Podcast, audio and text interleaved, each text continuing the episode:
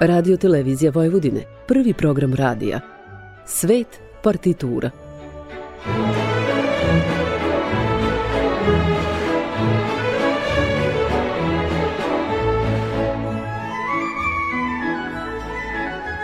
Urednik i voditelj Bogdan Đorđević.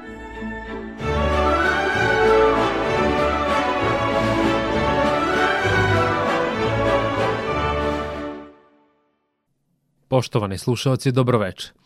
Na samom početku emisije slušat ćete preludijum i fugu u C-duru iz prve sveske dobro temperovanog klavira Johana Sebastijana Baha, objavljene 1722. Ovaj barokni kompozitor bio je jedan od najznamenitijih izvođača na instrumentima s klavijaturom. Svirao je mirnog stava za instrumentom, lakim i jedva primetnim pokretima prstiju. Iako je njegova navedena kapitalna zbirka koju su sačinjavala 24 prelide i 24 fuge usledila kao praktična potvrda sistema temperovanja instrumenta s dirkama, Bach prema mišljenju muzikologa ipak nije pisao za klavir. U prvim decenijama 18. veka pojam klavir je predstavljao opšti izraz za sve starinske instrumente s klavijaturom kao što su bili klavikord, čembalo i spinet. U navedenu grupu instrumenta spadao je i virginal – Iako je u vreme pozne renesanse bio rasprostranjen širom Evrope, svoju najveću popularnost uživao je u Holandiji i Engleskoj. Nažalost, za Baha se pianoforte sa svojim neslučenim mogućnostima pojavio kasno, baš kao i za Hendla i Domenika Skarlatija.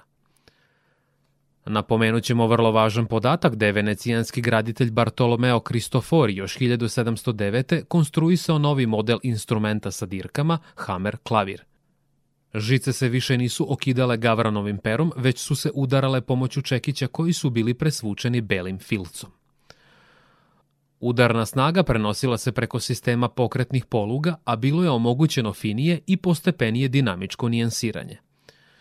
Tonski opseg dostigao je više od 7 oktava, rezonantna kutija je postala veća, žice su bile čelične, a razvijala se i drugačija funkcija nožnih pedala. Vraćamo se sada Bahovoj muzici, Pred vama je pijanista Andraš Šif.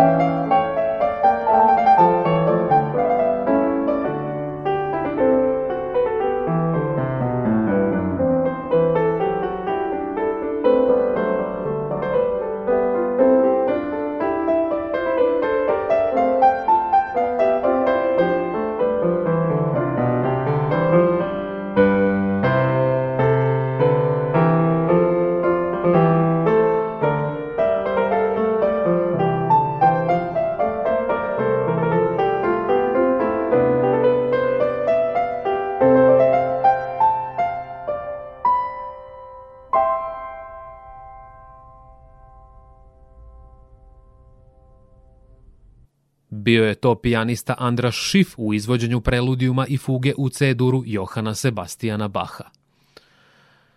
Svi veliki kompozitori marljivo su proučavali obe sveske Bahovog dobro temperovanog klavira. U antologijskoj zbirci osnovni ton svake kompozicije hromatski se kreće kroz svih 12 durskih i molskih tonaliteta. Nakon Baha u emisiji Svet partitura na prvom programu Radio Novog Sada slušat ćete Odu radosti iz simfonije broj 9 Ludviga van Beethovena, premijernu izvedenu u Beču 1824. Još kao adolescent dok je slušao predavanja Immanuela Kanta na univerzitetu u Bonu, Beethoven je bio fasciniran transcendentalnim idealizmom i idejama prosvetiteljstva, koje su prožimale i poeziju Friedricha Schillera. Ona je bila svojevrsni manifest po kojem bi fokusiranje na slobodu, pravdu i ljudsku sreću u zajednici imalo kao neizbežnu posledicu opšti mir i blagostanje. Schiller je umro smatrajući svoju odu radosti neuspehom i idealističkom fantazijom udaljenom od stvarnosti. A ono što je Beethovena učinilo toliko rasejanim bila je činjenica da je tek 27 godina nakon što je otkrio Schillerovu pesmu, konačno smislio kako da ovo kompleksno delo muzički oživi. Jednog jesenjeg dana obukao je svoj kaput izjeden moljcima i krenuo u kratku jutarnju šetnju gradom. Hodao je bez šešira, zadubljen u svoje misli, ne shvatajući koliko je gladan i umoran, sve dok potpuno dezorijentisan nije završio duboko u unutrašnjosti.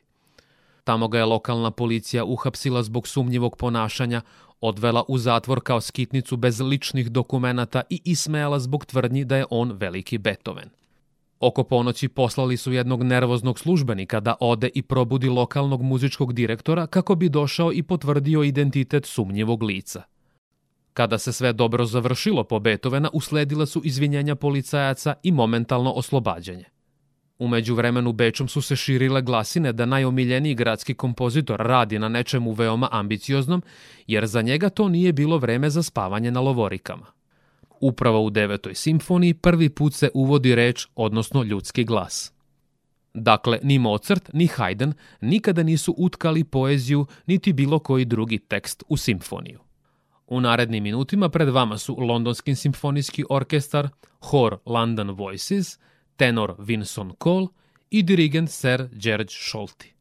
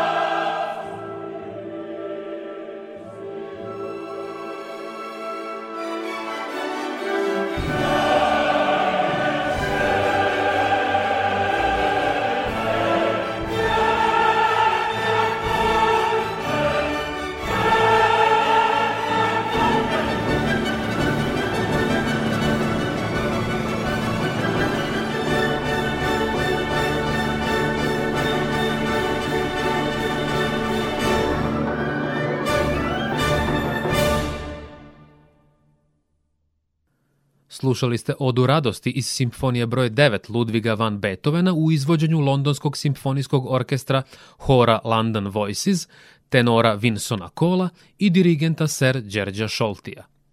Na premijernom izvođenju publika je Beethovena pozdravila ovacijama i ispruženim rukama. U sali su u vazduh poletele platnene maramice kao i šeširi, kako bi slavni kompozitor isključivo čulom vida mogao doživeti i osetiti oduševljenje, s obzirom na to da svoje delo nije mogao čuti. Vi ste na talasima prvog programa radija, radio televizije Vojvodine. U nastavku emisije Svet partitura slušat ćete nokturno broj 20 u cis molu Frederika Chopina iz 1830. koji je objavljen posthumno. Chopin je posvetio ovo delo svojoj starijoj sestri sa porukom mojoj sestri Ludviki za vežbu pred početak proučavanja mog drugog koncerta za klavir i orkestar. Čuveni poljski pijanista Vladislav Špilman, inače centralna figura filma pijanista reditelja Romana Polanskog, izvodio je ovaj klavirski komad tokom poslednjeg direktnog prenosa na nacionalnom radiju 23. septembra 1939. u trenutku kada je u Varšavu umarširala vojska nacističke Nemačke. Nekoliko godina kasnije on je odsvirao ovo delo oficiru nemačke vojske Vilmu Hozenfeldu pri njihovom neobičnom susretu. Ipak u filmskoj sceni Adrian Brody u ulozi Špilmana interpretira Chopinovu baladu broj 1 opus 23 u G-molu. Oficir Hozenfeld pomogao je kasnije ovom izmučenom pijanisti da se sakrije, obezbedivši mu hranu u poslednjim mesecima rata. U narednim minutima slušat ćete pijaniskinju Mariju Joao Pires i Chopinov nokturno u C-smolu.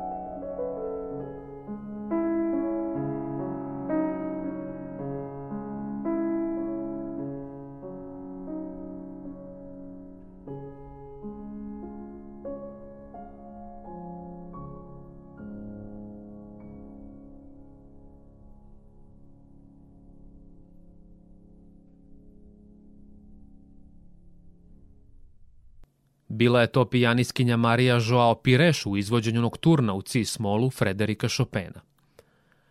Autobiografija Vladislava Špilmana, pijanista, svedočanstvo je o ljudskoj izdržljivosti i odata je blagodatima muzike i želji za životom. Prevazišavši brojne stereotipe, ovaj poljski pijanista svoju životnu priču je predstavio bez ikakve želje za osvetom. Prelazimo sada na sledeće delo u emisiji Svet partitura na prvom programu Radio Novog Sada. Slušat ćete legendu opus 17 Henrika Vjenjavskog iz 1860. Ova kompozicija, napisana za solo violinu i orkestarsku pratnju, odigrala je ključnu ulogu u trenutku sklapanja veritbe kompozitora sa gospođicom Izabelom Hampton. Naime, Izabelini roditelji nisu odobravali veritbu svoje čerke Svjenjavskim, ali nakon što su čuli ovaj komad bili su toliko impresionirani da su mladom paru ipak dali svoj blagoslov. Nakon venčanja i poziva Antona Rubinštajna, Vijenjavski se preselio u Sankt Peterburg gde je predavao studentima violine, paralelno vodeći i orkestar i gudački kvartet Ruskog muzičkog društva. Po završetku uspešne turneje po Sjedinjenim američkim državama, Vjenjavski je zamenio čuvenog Anrija Vietana na mestu profesora violine na Kraljevskom konzervatorijumu u Briselu. Tokom boravka u ovom gradu, kompozitorovo zdravlje se ozbiljno narušilo. Iako je započeo koncertnu turneju, on nažalost nije uspeo da je završi. Njegovi prijatelji organizovali su dobrotvorni koncert samo nekoliko nedelja pre srčanog udara nakon kojeg je preminuo. Slušat ćete sada violiniskinju Ane Sophie Muter, bečke filharmoničare i dirigenta Jamesa Levajna u izvođenju legende Henrika Vjenjavskog.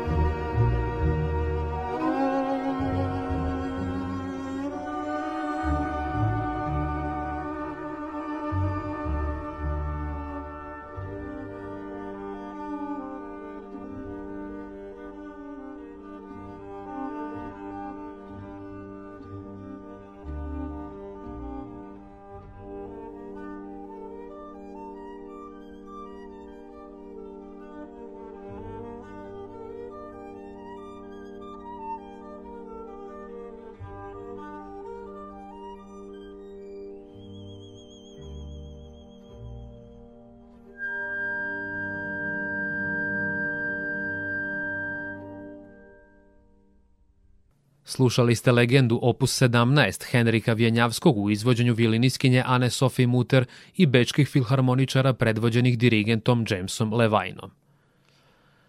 Starija čerka Vjenjavskog takođe je bila kompozitorka. Svoje rane radove objavila je kao Irena Vjenjavska, ali nakon što se udala koristila je pseudonim Poldovski. Mlađa čerka Henrieta se udela za Josefa Holanda Loringa, koji je bio među stradalim putnicima na brodu Titanic. Pratite prvi program radija Radio Televizije Vojvodine. U nastavku emisije Svet partitura slušat ćete treći stav Allegro con fuoco koncerta za klavir i orkestar broj 1 opus 23 u B molu Petra Čajkovskog iz 1875.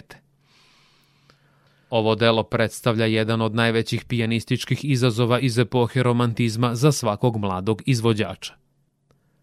Petar Iljić Čajkovski se školovao u Sankt Peterburgu, nakon čega je stupio u činovničku službu Ministarstva pravde, paralelno baveći se i muzikom. U 22. godini, kada je odlučio da se potpuno posveti muzici, upisao je studiju na novosnovanom Petrogradskom konzervatorijumu. Po završetku studija preselio se u Moskvu u kojoj je radio kao pedagog i muzički kritičar. Nakon duševne krize koju je pretrpeo, napustio je pedagoški posao i u potpunosti se posvetio kompozitorskom i dirigentskom pozivu. Do kraja života vreme je provodio u potpunoj slobodi posvećenoj stvaranju i putovanjima. Slušat ćete sada pijanistu Jevgenija Kisina i berlinske filharmoničare pod dirigentskom palicom Herberta von Karajana.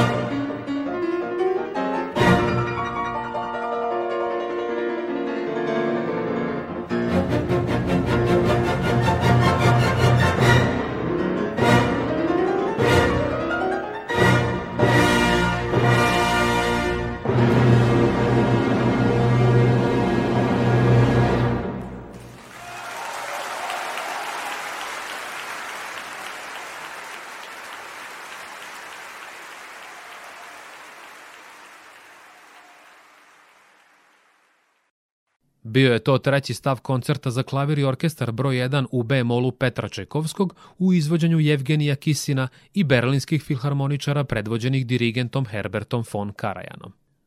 Umoran od čestih putovanja, Čekovski se skrasio u jednoj iznajmljenoj seoskoj kući nedaleko od Moskve. Tamo je upražnjavao redovnu dnevnu rutinu koja je između ostalog podrazumevala čitanje, šetnju po šumi i komponovanje u prepodnevnim časovima. U poslednjem segmentu emisije Svet partitura na prvom programu Radio Novog Sada slušat ćete introdukciju i tarantelu opus 43 Pabla Sarasatea iz 1899. Naziv ove narodne igre vodi poreklo od reči tarantula, koja predstavlja vrstu otrovnih pauka široko rasprostranjenih na Mediteranu, posebno u blizini stare antičke grčke kolonije Taranto. Kada se nađe u telu čoveka, otrov tarantule napada čitav endokrini sistem, a njena žrtva posle ujeda pada u stanje histerije. Kada bi se na Siciliji pronela vest da je neko od žitelja doživeo ovakav peh, istog trenutka bi se u seoskim mestima priredila velika fešta. Devojke bi se pojavile u svojim najlepšim haljinama, a momci bi najčešće bili zaduženi za vino, mediteransku hranu i naravno muziku. Paukove žrtve su satima bez prestanka plesale u ritmu tarantele uz veliku podršku svojih rođaka i komšija. Tako bi na prirodan način, nakon mnogo prolivenog znoja, izbacile sav otrov iz organizma i izbegle letargično stanje koje je vodilo ka gašenju najvažnijih vitalnih životnih funkcija. Poštovani slušalci, približavamo se samom kraju emisije. Moje ime je Bogdan Đorđević i do našeg sledećeg susreta nedeljom posle vesti u 21 čas na talasima prvog programa radija Radio Televizije Vojvodine. Slušat ćete violinistu Jicaka Perlmana i ansambl Abbey Road, koji predvodi dirigent Lawrence Foster.